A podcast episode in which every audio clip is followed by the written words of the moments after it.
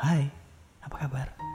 Listeners, banyak sekali yang bertanya ke saya tentang sebuah konsep jodoh. Pertanyaan seperti ini membuat saya terus bertanya kembali. Apakah kalian percaya dengan jodoh? Banyak di antara kita yang selama hidupnya dihabiskan untuk menunggu datangnya sebuah pertemuan, sebuah momen di mana dia bertemu dengan jodohnya. Tapi ada juga beberapa yang menghabiskan setengah hidupnya untuk berjuang mendapatkan jodoh. Dan kamu masuk dalam golongan mana? Menunggu atau berusaha mencari? Listeners, apakah setiap manusia memiliki jodoh? Apakah jodoh itu nggak pernah tertukar? Kalau memang setiap manusia memiliki jodoh, dan kalau memang jodoh tidak pernah tertukar, kenapa ada perceraian? Kenapa harus ada perpisahan? Dan kenapa harus ada perselingkuhan? Apakah jodoh tersebut hanya sebuah persinggahan? Listeners, jodoh memang sebuah misteri yang nggak ada yang tahu. Tidak pernah ada orang yang tahu dengan siapa nanti kita berjodoh.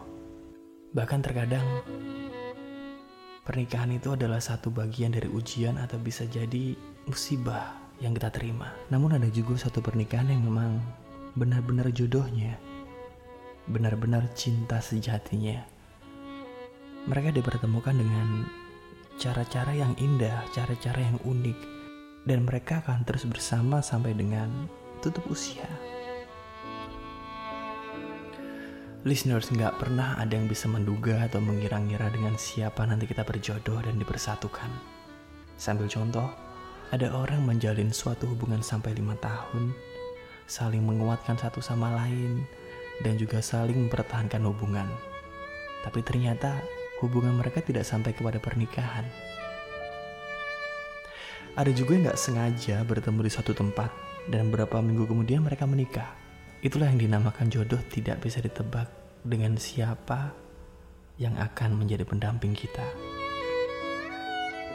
Setiap manusia telah diberikan jodohnya masing-masing. Tapi terkadang manusia terlalu memaksakan orang lain untuk menjadi jodohnya. Artinya, seseorang tersebut bersikuku kekeh mempertahankan hubungan yang terus dilandasi dengan berbagai macam masalah. Dia mempertahankan sebuah hubungan yang memang tidak seharusnya terjadi. Suatu hubungan yang hanya didasari oleh kepentingan salah satu pihak. Jodoh itu dipertemukan dengan cara-cara yang indah, cara-cara yang unik dan suci. Namun terkadang kita lah sebagai manusia yang selalu mendengarkan pada satu hal yang memang tidak boleh kita lakukan dan akhirnya sang pembuat jodoh buat kita berpaling dan akhirnya membiarkan kita berbuat semaunya dan berakhir pada sebuah konsekuensi dari pilihan kita. Perpisahan. Perlu kita ketahui, jodoh merupakan sebuah kepastian dan sudah dijanjikan kepada kita semua.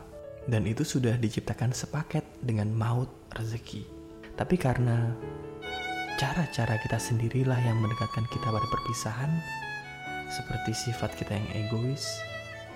Kita tidak pernah bijaksana dalam menyikapi masalah, kita selalu menyalahkan pasangan, kita berselingkuh, dan sifat-sifat buruk lain.